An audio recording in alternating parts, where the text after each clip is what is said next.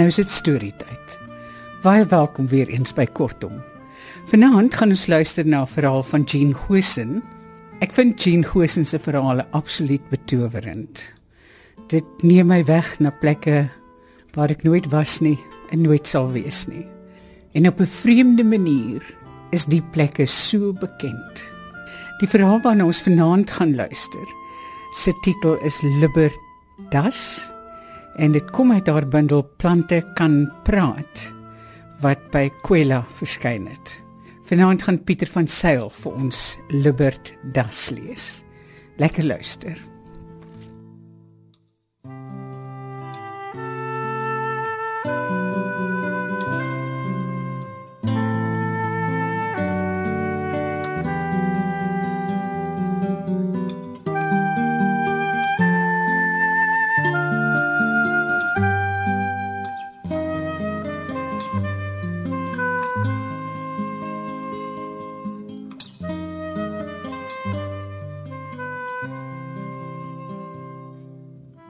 My pa word siek en vra na die priester. Die priester kom in die nag en bedien die sakramente. Hy smeer die ou man met olie en fluister in Latyn. 'n Sterk wind steek op en die bloekoms om die huis knak.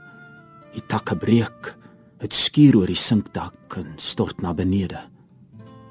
My pa stik in die wyn en begin roggel.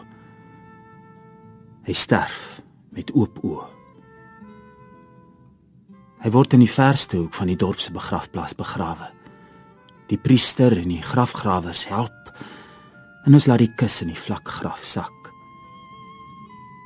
Die priester neem my na sy huis en dek vir my 'n plek aan die tafel in die spens. Daarna neem hy my aan my hand en ons stap tot aan die einde van die dorp na die hertogin se landgoed wat aan die rivier grens. Die priester laat my buite onder 'n verdorde lemoenboom wag terwyl hy in die huis met die hertogin praat. Die hertogin kom uit. kyk met afgryse na my boggel en neem my dan na my kamer wat in die verste hoek van die landgoed gelees. Ek begin werk as die hertogin se bode.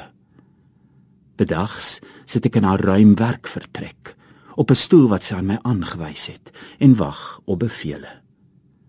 Soms stuur sy my met briewe poskantoor toe of na die rederyker kamers met boodskappe of om vir haar kat kos te gaan koop. Die hertogin het nooit werklik die aard en omvang van my pligte aan my verduidelik nie en ek bly onseker oor wat ek mag doen en wat presies van my verwag word. Een keer reg aan die begin het ek met haar daaroor gepraat Sy het my kort en geïrriteerd stil gemaak. Dis duidelik. My teenwoordigheid in die hertogin se lewe is ongewens. Maar daar's niks wat sy daaraan kan doen nie. Die plig om haar oor my te ontferm is aan haar opgedwing. Ek gedra my dus so stil en onopsigtelik moontlik. Sit die lang ure om op my stoel en uh, kyk voor my op die vloer terwyl die hertogin gebo oor haar stapels papierwerk besig is. Op 'n dag toe die hertogin my weer moet boodskappe stuur, besluit ek om 'n rukkie langer in die dorp te vertoef. Ek stap deur die strate na die meent waar die kathedraal en die pretpark is. 'n Nuwe geselskap het pas aangekom en is besig om vir hulle 'n staanplek in te rig. Ek staan aan een kant en kyk na die bedrywighede. Later stap ek nader en gaan staan voor die hokke met die diere wat rustig op hooi lê en hulle pote lek of agter 'n oor krap. As 'n paar harlekyne wat mekaar lagend om die half opgerigte tent jaag. 'n Werker verskyn met 'n emmer water, borsels, lappe en 'n besem. Hy klim in die ape se hok en begin dit skoonmaak terwyl die diere aan sy ore en hare trek. Die man sien my, wink my nader en vra my om vir hom die borsel aan te gee wat hy buite vergeet het. Hy gesels met my en vra my naam. Libert, sê ek. Libertas. Later begin ek hom help. Ons maak saam al die diere se hokke skoon. Ons werk die hele oggend. Ons gesels deurentyd met mekaar en met die diere. Ek besef dat ek maande laas met iemand gepraat het. Die diere luister met gespitste ore na ons en draai hulle koppe skuins. Die man soen 'n kameel en krap sy wollerige rug met 'n skerp klip. Ek gooi hooi en lucern met 'n vurk aan en later help ek die man met die groot op opgesagte vleis vir die leeu's en tiere. Slaat die middag toe ek by die landgoed aankom. Ek sluip die hertogin se werk vertrek binne. Sy lê op die rusbank met haar kop agteroor. Haar oë is toe. Sy slaap met haar hande oor haar bors gevou. Dit lyk asof sy nie asemhaal nie. Sy's bleek. En vir 'n oomblik dink ek sy is dood. Ek kyk lank na haar. Ek merk vir die eerste keer op dat sy op 'n besondere manier mooi is. Kyk na haar mond. Dit ontroer my. Is sy al gesoen? En het dit haar verander? Ek gaan sit by die hertogin se lesenaar, kyk na die leers, begin lees. Die stellings en argumente op die velle papier wek vae herinnerings, maar dit ontsnap my geheue. Dit sterf soos woorde in 'n droom. Realiteit is konflik. Het die hertog gaan op 'n aparte papier geskryf en iets in my begryp glashelder. Ek kyk deur die venster na die verdorde lemoenboom buite. Smiddags na werk besoek ek die huis waarin ek en my pa tot 'n paar maande gelede nog gewoon het om die pluimvee te versorg. Na my pa se dood was daar niemand om van die voëls ontslae te raak nie en hulle het in die vervalle hokke agtergebly. Ek stoot die skewe voorek oop en stap om die gebou na die hokke. Die ruim erf is deur onkruid oorgroei. Die hoenders is oud en vervlenterd en sit vreesbevange en stig op hulle stellasies in die donker hoeke van die hokke. Elke dag strooi ek handevol mielies op die grond uit, maar die voëls reageer nie. Hulle moet egter vreet, want as ek die volgende dag kom is die mielies op en die water in die bakke aansienlik minder. Tydsaam deel ek die dag se kos uit. Vul die bakke met water. Ek vorder van hok tot hok. Ons baie hokke. Ah, ek het nog nooit die moeite gedoen om vas te stel presies hoeveel nie. Soms vlieg 'n voël wat ek nie kan sien nie, verskrik op in teen die draad vas. Wat moet ek nog doen om hulle mak te maak, gewoond aan my? Ek gesels tog elke dag met hulle. Soms sing ek vir hulle. Maar hulle bly wantrouig en vyandig. Kan sit neerslagtig op 'n drom. Begin tussen my vingers deur fluit. 'n Plan neem vorm aan in my kop. Om rondom die vervalle hokke tuin te maak maar die plan spruit voort uit 'n onverklaarbare woede. Die woede is pynlik. Dit groei. Dit groei so in intensiteit dat dit my gelukkig maak. Ek begin sing. Ek sing harder. Ek word mal van geluk. Ek sit op die drom en ek voel tuis. Ek stamp die stram deur van die huis waarin ek en my pa tot 'n paar maande gelede nog gewoon het met my skouer oop.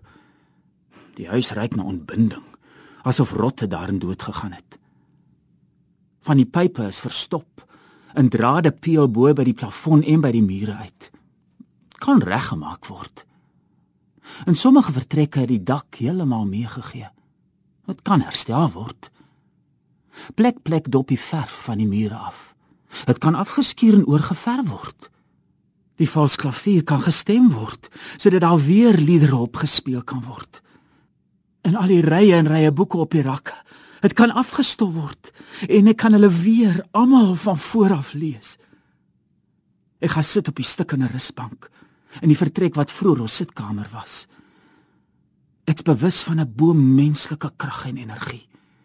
In die gekraakte bolspeel bo kan die kaggel word realiteit tot die absurde verwring. My lyf is sonder boggel. Ek word 'n voortvarende individu, besiel met nuwe voornemens.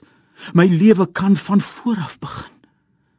Ek kan die huis met my hande oorbou, tuine aanlê en die vervalle hokke regmaak.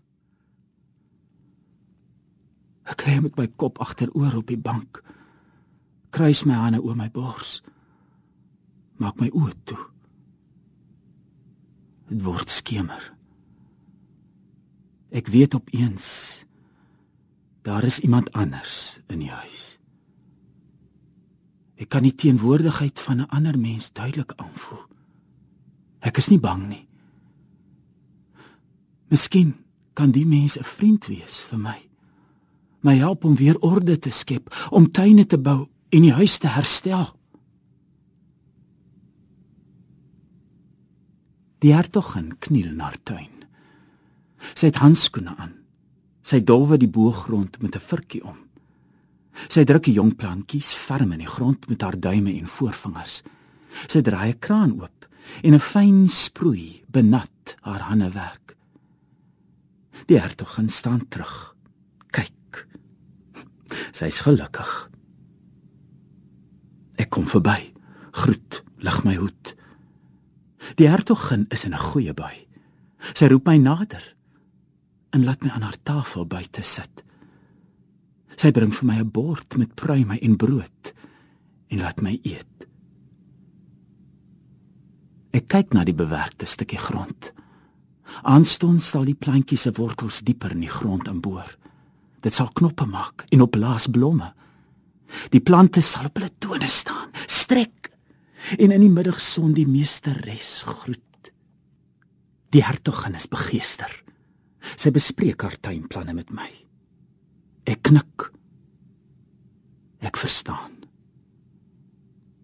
Ek kry hark, 'n vurk en 'n graaf. Ek werk dae lank, spit die verdorde leboenboom uit, saag die takke af en sleep dit weg. Ek maak 'n gat, breek die koppige kluite tot fyn grond, bemest die gat met mis en verrotte blare. Ek plant 'n boom. Op 'n dag roep ek die hertogin. Sy staan in die deur van haar huis. Ek swaai die graf. Laat daar lemoene wees. 'n Duisend goue vrugte gloei met eens aan die takke. Hulle glinster in die laatmiddaglig. Die hertogin is verruk. Sy stap by die trappe af tot by die boom. Sy pluk 'n vrug. Sy skil dit versigtig met haar naels, die sproei van die skille geur om haar. Sy verdeel die lemoen. Sy hou haar handpalle met 'n soet skyfie daar na my uit. Neem, sê sy. Eet. Ek sit dit in my mond. Druk die sap daarvan uit met my tong. Proe. Verlossing kom. En my taak word aan my geopenbaar. Ek word die hertogin se tuinier.